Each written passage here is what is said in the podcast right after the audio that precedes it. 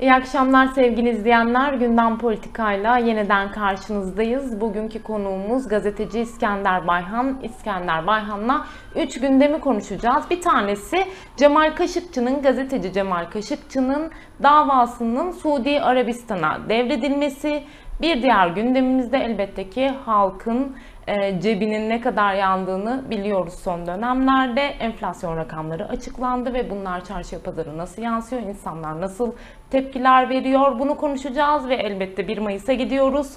E, önümüzde 20 gün kadar bir süre var ve bu 1 Mayıs'ta talepler neler olacak hepsini İskender Bayhan'la konuşacağız. Hoş geldin İskender yayınımıza. Hoş bulduk Çağrı. Takipçilerimize de merhaba diyorum. Evet, e, İskender hemen Kaşıkçı davasını yorumlayarak başlamak istiyorum aslında. Bu dava önemli bir davadı Türkiye açısından ve e, Suudi Arabistan aslında dünyanın gözünün e, üzerimizde olduğu da bir davaydı ve Suudi Arabistan'a devredildi e, Cemal Kaşıkçı davası. Bu ne demek, ne anlama geliyor? Ya bu Cemal Kaşıkçı'nın katledilmesi aslında dünyanın da Türkiye'nin de e, işin merkezinde Türkiye'yi görmesi de dahil bütün gözlerinin buraya çevrilmesinin bence iki ana nedeni vardı. Birçok şey söylenebilir ama birisi e, bu cinayetin, e, bu katliamın Türkiye elçiliğinde, Suudi Arabistan'ın Türkiye elçiliklerinden birisinde işlenmiş olmasındaki Suudi Arabistan'ın tercihi. Yani Suudi Arabistan monarşisinin Suudi e, Krallığı'nın bunu tercih etmiş olması e, çünkü daha o zamandan e, bu işin en iyi e, üstünün örtülebilmesinin en iyi tercih edilebileceği yerlerinden birisinin Türkiye İstanbul olabileceği düşüncesi ile bu böyle yapıldığı tartışılmıştı. E, ikincisi de hemen arkasından Türkiye'deki tek adam yönetiminin yani Erdoğan e, yönetiminin e, bu cinayete, bu katliama ilişkinki yaklaşımı bunu bir e, Suudi Arabistan'la ve bölgesel düzeydeki ilişkileri açısından da e, bölgede bir güç gösterisi politikasıyla doğrudan iç içe bir e, tutumla değerlendireceğini ifade eden açıklamalar geldi Erdoğan'dan. Yani cinayetin sorumlularının açığa çıkarılması, yargılanması, bu işin e, hukuki olarak bu sorunun önemi falandan çok bir e, efelenme, bir e, meydan okuma ve e, bu, bunun üzerine bir yaklaşımdı. E, tabii bu şeyle de beslendi. E, Erdoğan'ın ilk açıklamalarında e, bunu bir e, ki e, birkaç kez bunu söyledi Erdoğan. Bunu e, Suudi monarşisinin Suudi, e, Suudi Arabistan devleti e, şeriatçı faşist bir devlet. E, bu devletin ve onun istihbarat örgütünün e, planlı bir e, cinayetinden daha çok, katliamından daha çok böyle bir çete, e, herhangi bir kliğinin e, onun Suudi Arabistan devlet yapısına ilişkin artık Erdoğan nasıl bir istihbarat sahibi ise orada bir clean hikayesi gibi görüp bunu kullanabileceğini e, düşünmeyi öngördü. Ama e, iş öyle gitmedi. Kazın ayağı öyle olmadı ve aradan geçen yaklaşık üç buçuk yıllık bir sürenin ardından da geri adım atmak zorunda kaldı ve e, bu bu işi ne diyelim? Bugün açısından e, değerlendirmeler, yorumlar biraz Türkiye'nin ekonomik krizde olmasıyla bağlantı kuruluyor. Şimdi biz son dönemlerde Körfez ülkelerine dönük e, normalleşme e, ya da işte Orta Doğu'daki bir sürü ülkeye dönük normalleşme görüşmeleri yapılıyordu ve hepsiyle bir ekonomik anlaşmalar e, söz konusuydu. Şimdi e, bu Suudi Arabistan meselesine ilişkin de Ahmet Şık mesela 50 milyon dolar gibi böyle büyük rakamlarla anlaşmalardan bahsediliyor. Ama bu e, geri adımın, bu dosyanın devrinin, tam da bu krizin e, olmasıyla yani bu döneme denk gelmesiyle nasıl bir ilişkisi vardır? Dava satıldı yorumları var zira. Şimdi bu tabi e, satılmışsa 50 milyon ucuz satılmış yani. E, yani böyle bir benim en azından bildiğim ki e, Ahmet Çıkın açıklamasını da gördüm. O da bir bunun açığa çıkacağını söylüyor. Çıkınca da görürüz. E, ucuz satılmış dememin nedeni şu. Aslında Türkiye e, Kaşıkçı katliamının cinayetinin ardından Erdoğan'ın izlediği çizgiden dolayı e, yanlış hatırlamıyorsam 3,5 milyar dolardı ihracatı e, Suudi Arabistan'a ve e, bu tutumunu protesto için Suudi e, monarşisinin e, boykot uygulamasından sonra 180 milyon dolarlara kadar düştü. Yani Türkiye evet. bu siyasetten zaten Türkiye burjuvazisi bu siyasetten neredeyse 3 yılda 10 milyar dolara yakın kaybetti. Kayıp. e, işte o, geçen yıl e, 2021 G20 zirvesinde bir telefon diplomasisi oldu Erdoğan'ın. Ocak başından itibaren de e, ki bence bu da kritik bir konu. Ocak ayından itibaren de e, bir iki kez e, Şubat ortası, Şubat ayı sonuna doğru Suudi Arabistan'a gideceği açıklamaları, ziyaret edeceği açıklamaları yaptı ama bunlar da olmadı. Bu ziyaretin ne, ne zaman gerçekleşeceği de e, netleşemedi.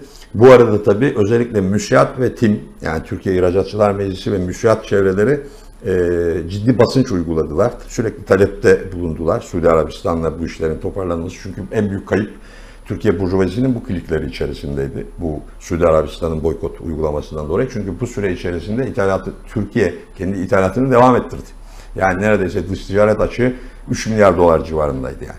Evet. E, dolayısıyla bu süre içerisinde de ek bir şekilde bu geri basmadan, geri adım atma e, yaklaşımından sonra davanın böyle satılmışsa eğer bu satılma hikayesinden en karlı çıkanlar e, müsiyat ve tim, tim- tim klikleri olacak ve mutlulukla karşıladıklarına eminim. Ama burada bir kritik bir şey daha var bence. Ee, Erdoğan bu süreci yönetirken e, sanki benim gördüğüm bu geri basma meselesinde anladığım kadarıyla e, bu Ocak'tan bu yana gittim gidiyorum Suudi Arabistan'a açıklamalarını düşününce sanki kral e, Suudi kralı e, Salman. Salman yani bu dava bitmeden gelemezsin gibi bir şey olmuş Evet, ki gidebilmenin önünü açmak için de bu satış işlemi yapıldıysa bunun için de yapılmış büyük olasılıkla. Çünkü gidemedi Erdoğan yani. Şubat'taki mesajları çok netti. Mart'ta hatta şeydi. Şimdi bu Umre Haç dönemi de geliyor. Covid nedeniyle Umre Haç e, boykotu da, hac boykotu da uy- uygulanıyor Türkiye'ye. Haca gitme konusunda e, durmuştu. Şey ve açılmadı aslında Covid'den bu yana. Şimdi normalde 5-6 aydır bu işin önü açılması gerekiyordu. Bu konuda da henüz adım atılmadı. Dolayısıyla e, bütün bunları düşününce sanki aynı zamanda Erdoğan'ın Suudi Arabistan'a gidebilmesi ve Suudi Arabistan'la ilişkileri normalleştirebilmesinin de bir diyeti olarak bu davayı sattı yani. Evet bir şart koyma durumu zaten konuşuluyordu İskender. Bir de bu mesele bana şunu anımsattı. Aslında siyaseten de Erdoğan'ın sürekli böyle meselelere dair bir yükselip sonrasında geri adım atması. Mesela Mavi Marmara olayını an- anımsattı. Burada da Evet, olaylar ve olgular elbette ki çok farklı birbirinden ama e, tutum ve tarz olarak Mavi Marmara meselesinde ölenler vardı, İsrail'in saldırısı vardı ve bir tazminat alındıktan sonra sahip çıkacağız davanıza denilen ailelere bana mı sordunuz giderken noktasına geldi Erdoğan. Bugün de e, henüz bir açıklama yapmadı mesela bu mahkeme kararının ardından devredilme kararı verildikten Bekir sonra. Bozda, Bozda Adalet Evet, Bakanı olumlu- kararıyla. AKP'de Dava, de bir evet, rahatsızlık evet, var. Arkadaşımdı. Biz zaten dört kolla sarılmıştık. e, sarıldık e, dedi. E, ya e, AKP Genel Başkan Yardımcısı şu anda. Böyle bir huzursuzluk durumu da var ama tarz olarak Erdoğan'da böyle bir şey var. Ya tabii şimdi Erdoğan bu konularda çok mahir bir burjuva siyasetçi. Yani e, Erdoğan'ın e, ne dediğinden çok ne yaptığına bakarak e, nasıl bir siyasetçi olduğunu anlamak mümkün bence. Bu genel olarak burjuva siyasetçiler için böyledir. Hani aynısı iştir kişinin lafa bakılmaz denir ya halk arasında. Şüphesiz lafların tamamı önemsizdir anlamına gelmez bu ama kritik dönemeçlerde ne yapıyor? Ee, söylediğinin bir karşılığı var mı ya da nasıl bir karşılığı var sorusunun yanıtlarını bulmak ancak eylemine bakınca mümkün oluyor ve Erdoğan bu konuda mahir bir siyasetçi gerçekten. Yani iç politikada e, bu tip fırsatları daha çok halk kitleleri üzerinde bir itibar, e, bir güç gösterisi olarak kullanmak, onların e, desteğini, duygularını okşayarak onların desteğini almak, onların manevi yönüyle onları bir bu işi pazarlamak, yani her işi pazarlamak ki biliyorsun tüccar siyaseti ve şirket gibi yönetmek Türkiye'yi Erdoğan'ın siyaset anlayışının kendi şeyleriyle, cümleleriyle en inciler halinde ifadesi olarak çok bilinir haldeki şeyleridir, e, açıklamalarıdır. Dolayısıyla burada da benzer bir şey e, söylemek mümkün. Yani Erdoğan e, hani bunu başka kelimelerle de ifade edebiliriz ama o zaman yaptığı e, Washington Post'a yazdığı yazı, orada Evet. kullandığı şey ama onlar bize biraz ağıra, ma- pahalıya patlayabilir.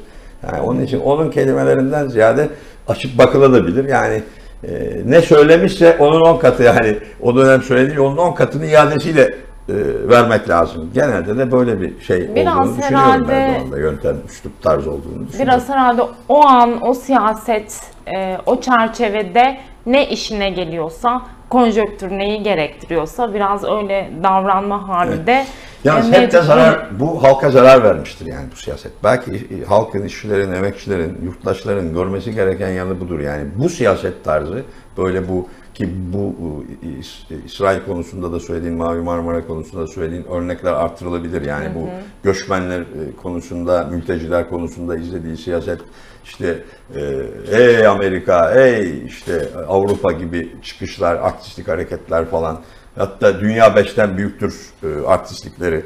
Bunlar bir gerçeği yani aslında halkın, bizim hepimizin e, doğru diyebileceğimiz bir gerçeği alıp iyi pazarlamaktır tüccar siyasetinde. Bence iyi bir işbirlikçi burjuva böyle yapar yani. İyi bir işbirlikçi burjuva hükümet böyle yönetir memleketi. O açıdan bence başarılı sayabiliriz yani o yönüyle. o, o, o alışık, alışık noktada olduğumuz- tutarlı Evet sanıyorum. kesinlikle o Evet. çok tutarlı bir e, siyasetçiyle yüz yüzeyiz. Son dönemlerin çok önemli konusu hepimizin canının yandığı bir konu. Enflasyon rakamları. Yani resmi rakamların %60'ı geçtiği oranlar açıklandı. Ama çarşıya pazara gittiğimizde çok daha büyük rakamlarla karşılaşıyoruz. Biz her yerde konu gündem, e, bu gündem her yerde söyleniyor. E, ama e, İskender burada Mesela çeşitli sıkıntılar var galiba. Biz mesela 2022 yılına girdiğimizden beri ücretler konusunda örneğin çeşitli e, direnişler gördük, eylemler gördük. Hala direnen fabrikalar var. İnsanlarda da bir tepki var, zamlar, eriyen ücretler ama bir hareketlilik hali yok burada. E, Bu böyle bir sert mücadele biçimine, e, bir eylemliğe, bir hareketliliğe geçmiyor. Lokal e, ve çok önemli işçi direnişlerini bir kenara bırakıyorum ama bir birleşme hali de söz konusu olmadı. Ne eksik? Neden bu kadar rahatsızlık olduğu halde bir hareketlenme yok? Tabii şimdi aslında 1 Mayıs'a giderken Çağrı bu e, iş hareketinin durumunu konuşmak önemli bir e, iş sınıfının mücadelesinin düzeyini konuşmak önemli bir e, ihtiyaç. Ben de geçenlerde e, Gebze'de Petrol İş Sendikası'nda gazetemizin temsilciliğiyle beraber düzenlenmiş son dönem işçi hareketlerinde yaşanan işçi mücadelelerinde yaşananlar ve bunların gösterdikleri önümüzdeki dönem 1 Mayıs nasıl bir 1 Mayıs olmalı, nasıl olacak diye bir söyleşi içinde buluşmuştum. E, benim için verimli bir söyleşi olmuştu. Dilerim oradaki işçi arkadaşlarımız, iş yeri temsilcisi, sendikacı arkadaşlarımız için de verimli olmuş olsun.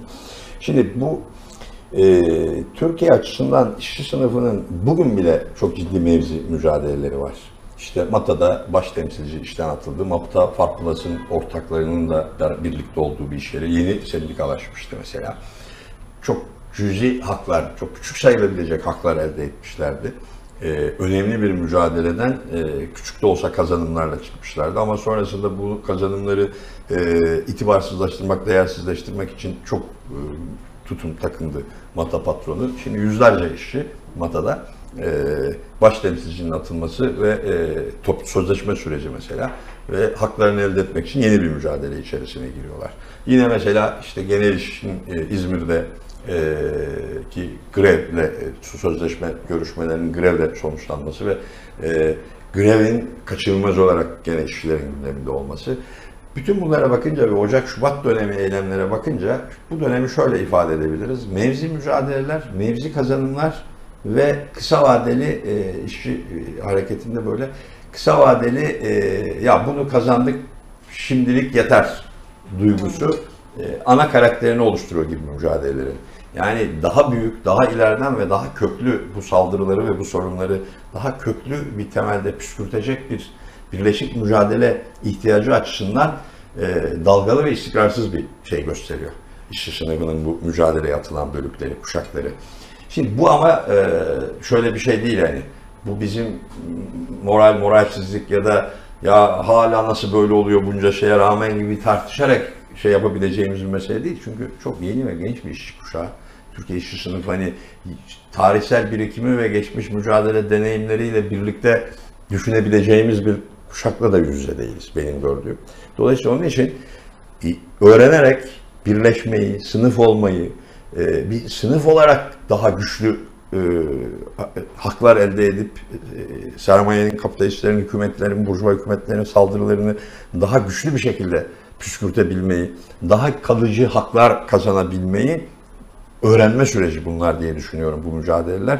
Onun için e, biraz daha yakından bakmak ve o mücadelelerle aslında önümüzdeki dönemin e, o daha kritik dönemeçlerinin aşılıp aşılamayacağını e, analiz etmeye çalışmak daha gerçekçi olur diye düşünüyorum. Siyasi partilerin ve sendikaların buradaki önemli rolleri var tabii. Ee, Şimdi örneğin 1 Mayıs'ı konuşuyoruz bir anlamıyla da 1 Mayıs'a giderken sendikalar ne yapacak? Ee, siyasi partiler ne yapacak? E, Bunun ötesinde e, iktidarın karşısındaki en önemli büyük güç Millet İttifakı. Ama biz hala onların örneğin e, ekonomiye dair tutumlarını bilmiyoruz. 1 Mayıs'a nasıl bakıyorlar kısmen biliyoruz ama bilmiyoruz. Ama burada e, sol sosyalist partiler bir şeyler yapmaya çalışıyor ama e, eksiklikleri çok yüksek. Ve bir araya gelmeme halini nasıl okuyacağız? Oralarda siyasi partileri nasıl zorlayacaklar? İşçi emekçiler sendikalara nasıl taleplerini iletecekler? Nasıl Şimdi- kanallar açılmalı? Şimdi gördüğüm kadarıyla, şu an için görebildiğim kadarıyla bir öngörü de olabilir bu. Belki 1 Mayıs sonrasında da Evet. tutup tutmadığını konuşuruz. Bu 1 Mayıs sanki e, genel olarak geçmiş 1 Mayıslar da öyledir ama bu pandemiyle birkaç yıldır farklı biçimler almak zorunda kaldı. Ama hem işyerleri açısından hem de e, birleşik bir e, güçle kutlanması, işçi sınıfın uluslararası bayramının bir gerçekten adına layık birlik, mücadele ve dayanışma gibi değerlerine e, layık bir biçimde kutlanması açısından sanki kritik bir 1 Mayıs olacak 2022 1 Evet, Mayıs. ona da. Öyle bir atmosfer var gibi düşünüyorum. Burada en önemli tehlikelerden birisi bu Taksim meselesiydi. Ee, erken e, işçi sınıfının e, böyle sınıf bilinçli mücadeleci kesimlerinin hatta e, açık söylemek gerekirse de Emek Partisi'nin de açık bu konudaki e, tutumunun e, tartışmalar bildiğim kadarıyla e, takip edebildiğim kadarıyla tartışmalardaki tavrının e, böyle bir riski e, en minimalize hale getirmiş ve daha birleşik ve güçlü yaygın kitlesel mitingler ve kutlamaların Geç- olma Geçtiğimiz yıl ihtiyacını arttırmış aslında durumda. bir örnekti galiba bu anlamıyla. Küçük küçük bir sürü iş yerinde, fabrikada e, direnişler, eylemler gördük biz. Bu yılda aynı bir yöntem, aynı şeyler olacaktır herhalde yeri örgütlenmeleri takip edebildin mi? Gebze'ye Tabii. gidiyorsun, çeşitli Tabii. Hem ilçelere yaygın gidiyorsun. olacak hem mitingler güçlü olacak diye düşünüyorum. Burada bir şey kaygısı dile getiriliyor. Özellikle Arefe gününe denk geliyor Evet. ve hükümet 9 gün birleştirme gibi bir Türk şey işin yapacak. tavrı var. Tabii ve bu süre içerisinde hani katılım ama ben mesela Gebze'de gördüm. Hani bu katılımı olumsuz etkileyebilir mi kaygıları var. Ama benim Gebze'de görebildiğim kadarıyla e, bugünün ekonomik, sosyal koşulları açısından işçiler, emekçilerin 9 günlük tatil bile olsa bulundukları kenti terk etme ihtimali gözükmüyor. Kaldı ki o 9 günlük tatil genel olarak e, kısmen kamu işyerleri ağırlıklı Evet. uygulanabilen tatil oluyor. Bunları kap- tek, e, yerellerde kapitalistler ikişer günlük, üçer günlük en fazla tatiller olarak uyguluyorlar ve üretim devam ediyor. Dolayısıyla bu bir şey değil. Yani etkilese bile çok düşük bir etkisi olabilir. Onun için dediğin gibi hem iş yeri bir hafta öncesinden iş yeri kutlamalarının yaygın ve kitlesel olma e, zemini güçlü. Hem de mitinglerin kitlesel olma zemini bu dönem açısından güçlü. Olabildiğince bunu, bunu teşvik etmek gerekir diye düşünüyorum. Tabii burada hala, bunun da altını çizmek lazım. Hala en büyük bela, yani nasıl memleketin başında en büyük bela kapitalizm, e, onun hükümetleri, sermaye siyaseti, onun egemenliği, her şeyin onun çıkarlarıyla, sürekli sermayenin, büyük sermayenin çıkarlarıyla konuşuyorsak memleketi, burada da onun en büyük temsilcisi sendika bürokrasisi var. En büyük bela bu. Yani çok güçlü sendikal bürokrasi. Dolayısıyla en büyük birleşmenin önündeki en büyük engellerden birisi de sendikal bürokrasi. Ama burada da gene sendikal bürokrasiyle mücadele açısından da bu 1 Mayıs'ta bence geçmişe göre daha ileri bir tablo çıkacak Onu diye düşünüyorum. söyleyeceğim. İkidir vurgu yapıyorsun e, İskender. Bir tane dedin ki bu seneki 1 Mayıs önceki yıllara oranla daha farklı. Kritik aslında gerçekten çünkü baktığımızda e, son 20 yılın en güçlü, en büyük enflasyon rakamları var AKP'nin zirvesi. E, zaten 94'lerde Nisan'da daha beter olacak. O Evet daha da gittikçe yükseliyor. Her gün herhangi bir şeye zam geliyor. İnsanlar ne pazara çıkabiliyorlar ne alışveriş yapabiliyorlar. Üzerine zaten kıyafet alma devri kapandı. Neredeyse temel gıda ürünlerine ulaşmakta zorluk çekiyorlar. Bir de Ee, belki de biz aslında e, seçimlerden önceki son 1 Mayıs'ı görüyoruz. Ee, benim tahminim Evet. de öyle aslında. Olabilir, evet. Yani Haziran, e, yani Mayıs, 2022 Haziran. Mayıs'ından önce olacak diyorsun Olabilir seçimler. yani, bilmiyoruz. Nisan'da olacak bu iş diyorsun. Sonuçta olmasa da Mayıs'tan sonra Haziran zaten. Böyle bir dönem bu 1 Mayıs'ın e, anlamı meselesi açısından. E, bu 1 Mayıs önümüzdeki işçilerin, emekçilerin katılımı önümüzdeki son bir yıla nasıl yansır? Nasıl mesajlar verir? Şimdi şöyle bir şey var e, Çağrı. Yani ben bunu söylerken aslında işçi sınıfının e, bugün açısından e, düşman cephesi diyebileceğimiz, işçilerin, emekçilerin düşman cephesi diyebileceğimiz güçler açısından şöyle üçlü bir sac ayağı var. Yani hem kapitalistler hem burjuva hükümetler ve en başta da tek adam yönetimi dünya açısından da Türkiye açısından da hem de e, sendikal bürokrasi en çok Türkiye'de, dünyada da bunun benzeri oluyor ama en çok Türkiye'de bütün salgının, o salgının ekonomik kriz etkilerinin, şimdi Ukrayna savaş politikalarının, dünya genelinde artan enflasyonun, çünkü enflasyon sadece Türkiye'de değil, bütün Evet. ülkelerde sorun. Bu özellikle de pandemi sürecinde krizden çıkış politikalarının da bunda büyük payı var. Bütün faturasını işçi sınıfına, işçilere, emekçilere yıkıyorlar. Bunun en ileri düzeyde gerçekleştiği ülkelerden birisi Türkiye. Dolayısıyla e, burada şöyle bir 1 Mayıs'ta e, hani güçlü bir mesajın çıkması açısından şöyle bir dezavantajı var işçilerin. E, bunun farkındalar aslında. Bu bedeli ödediklerini senin de söylediğin gibi yaşam koşulları, pazardaki yaşadıkları, iş yerinde yaşadıkları, okulda, hastanede yaşadıkları yani günlük yaşamın birçok alanında karşılaştıkları tablo, marketlerde yaşadıkları e, bu gerçeğin farkında olduklarını gösteriyor. Ama bunun neden sonuç ilişkileri ve bunun nasıl değişeceğine dair ki bağlantılarda müthiş bir e, bence bu üç mahşerin bu üç kapitalist mahşerin bu üç atlısının yarattığı müthiş bir bilinç bulanıklığı var. Müthiş bir bence zehir dolaşıyor damarlarında. Yani onlara ait değil bu. Onların tarihine ait değil. Onların mücadelede öğrendiklerine, bilimlerine, dünya görüşlerine ait değil. Ama o dolaşıyor. Ne o? kendine, yanındaki sınıf kardeşine, birliğine güvenememek. Mesela en büyük panzehiri zehir gibi düşünüyor. Mesela birleşmek, bir sınıf olarak kenetlenmek ve güçlü bir biçimde alanlara çıkmak sanki bunu yaparsa e, işten atılacakmış, daha çok şey kaybedecekmiş. Hakları için mücadele ederse daha kötü e, bir tablo çıkacakmış gibi mesela asla sınıf mücadelesi tarihini ve 1 Mayıs tarihinin öğretmediği, göstermediği bir şeyle yüzde. Yine mesela Bizim bizden olmaz. Bizim fabrikada olmaz. Bizim iş yerinde olmaz. Bi- Biz, biz işçiler birleşemeyiz. Bizim birleşmemiz ya biz nasıl olacak o? Bizde hayatta iş bir araya gelme olmaz gibi. Asla ve asla gerçek olmayan ama kesinlikle bu bu kendi sınıf düşmanlarının akıttığı bir zehir bu. Bilinçlerine, yüreklerine yerleştirdiği bir şey. Şimdi bununla mücadeleyi ne kadar güçlü verirse ya da buna ek olarak şunu söyleyeyim. Bu zehirin farkında olan bölükleri, az çok bilinçli ileri bölükleri bununla ne kadar güçlü mücadele ederlerse 1 Mayıs'a kadar o kadar ikna edip güçlü bir e, 1 Mayıs kitlesel bir 1 Mayıs'ı örgütlemeyi başaracaklar. Bir şey hatırla biz bir e, son işçi mücadelelerinde bir dosya yapmıştık. Öyle bir şey var ki işçi hareketi açısından bu mücadele ilmi açısından şöyle şeyler söylüyordu işçiler. Bir tanesi mesela yarım saat önce bana deseler ki bu fabrika birleşecek ve biz bin kişiyle üretimi durdurup eyleme geçecek, grev yapacağız, direniş yapacağız. Kimse buna ikna ettiremezdi beni. Yani bunu bu bunu ben hayatta hayal edemezdim ama yarım saat sonra kendimi direnirken buldum diyordu. Bir, bir tanesi 5 saat önce diyor mesela. Bana anlatsalar bunu yapın böyle de bana hiç gerçekçi gelmezdi. Bence bütün bunlar aslında o zehirle mücadele edip 1 Mayıs'ın e, ne diyelim asıl kazanımlarını, asıl e, coşkusunu, heyecanını e, yaşayacağı bir e, dönemeci e, de işaret ediyor. Yani ne diyelim bu kendi içinde olumluyla olumsuz, kötüyle ileriyle geri olan bence yan yana duruyor. Biz şimdi o ileri olanın kazanması, o coşkulu ve güçlü olan eğilimin kazanması için uğraşmamız lazım ve o zaman bence e, sanki senin dediğin e, seçimler de dahil Türkiye siyasetinin geleceği açısından da işçi sınıfının sesinin biraz daha güç çıkacağı bir dönemece girebiliriz. Evet. Kolay olmayacak ama bunun sanki bilincine varmakla e, bununla hesaplaşmak arasında bir eşik olduğunu düşünüyorum bunu.